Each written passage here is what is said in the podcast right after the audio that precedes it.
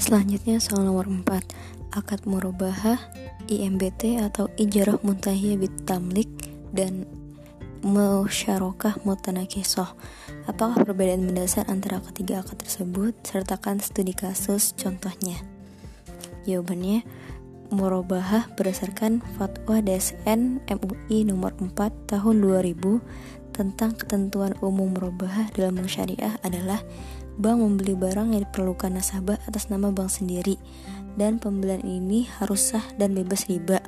Bank kemudian menjual barang tersebut kepada nasabah dengan harga jual senilai harga beli plus keuntungannya. Dalam kaitan ini, bank harus memberitahu secara jujur harga pokok barang kepada nasabah baik biaya yang diperlukan. Contoh studi kasusnya, Pak Usman meminta bantuan kepada bank untuk membelikan sebuah rumah. Kemudian bank memberitahukan kepada Pak Usman modal untuk membeli rumah sebesar 200 juta. Dan bank menjelaskan kepada Us Pak Usman bahwa akan mengambil keuntungan sebesar 10 juta.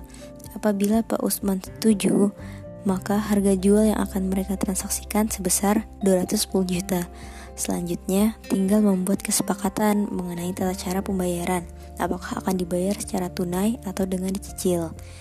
Selanjutnya IMBT Ijarah Muntahiyah Bitamlik Ini sesuai dengan adanya fatwa dari DSN UI nomor 27 tahun 2002 Disebutkan bahwa dalam masyarakat umum dilakukan praktik sewa beli atau perjanjian sewa menyewa yang disertai dengan opsi pemindahan hak milik atas benda yang disewa kepada penyewa setelah masa sewa. Dengan itu, DSN MUI menetapkan fatwa tentang sewa beli yang sesuai dengan syariah yaitu akad IMBT atau Ijarah Mutahiyah Bitamlik. Contohnya, Adi ingin membeli sebuah ruko untuk membuka usaha toko baju dan harga ruko tersebut adalah 60 juta. Tetapi Adi hanya memiliki uang 15 juta. Adi mendatangi bank syariah untuk pembiayaan usahanya tersebut dengan melakukan transaksi IMBT atau Ijarah Muntahiyah Bitamlik. Setelah melakukan pemeriksaan, usaha Adi tersebut disetujui oleh Bank Syariah dan Bank Syariah akan membeli ruko tersebut. Kemudian Bank Syariah menyewa ruko tersebut kepada Adi. Jadi harus Adi harus membayar sewa ruko kepada Bank Syariah sebesar 5.500.000 per bulannya. Untuk total sewa biaya yang harus dibayarkan Adi selama satu tahun adalah 66 juta, yaitu dari biaya sewa satu bulan 5.500 dikali 12 bulan yaitu 66 juta. Lalu keuntungan sewa yang didapatkan oleh bank sebesar 6 juta.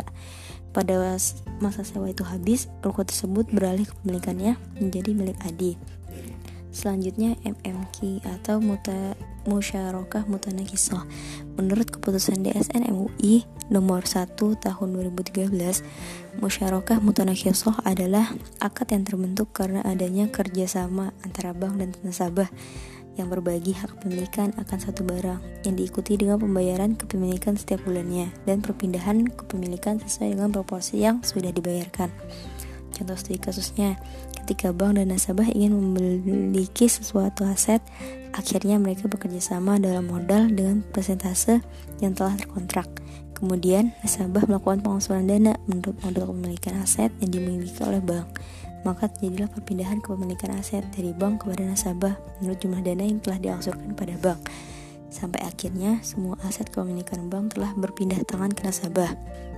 Dari contoh di atas, dapat diambil kesimpulan bahwa pada akad musyarakah mutanakisah terjadi syirkah atau kerjasama dan ijarah atau sewa. Kerjasama pada modal untuk mendapatkan aset serta sewa dalam pengangsuran dana dari nasabah ke bank untuk kemudian aset dimiliki oleh nasabah seluruhnya.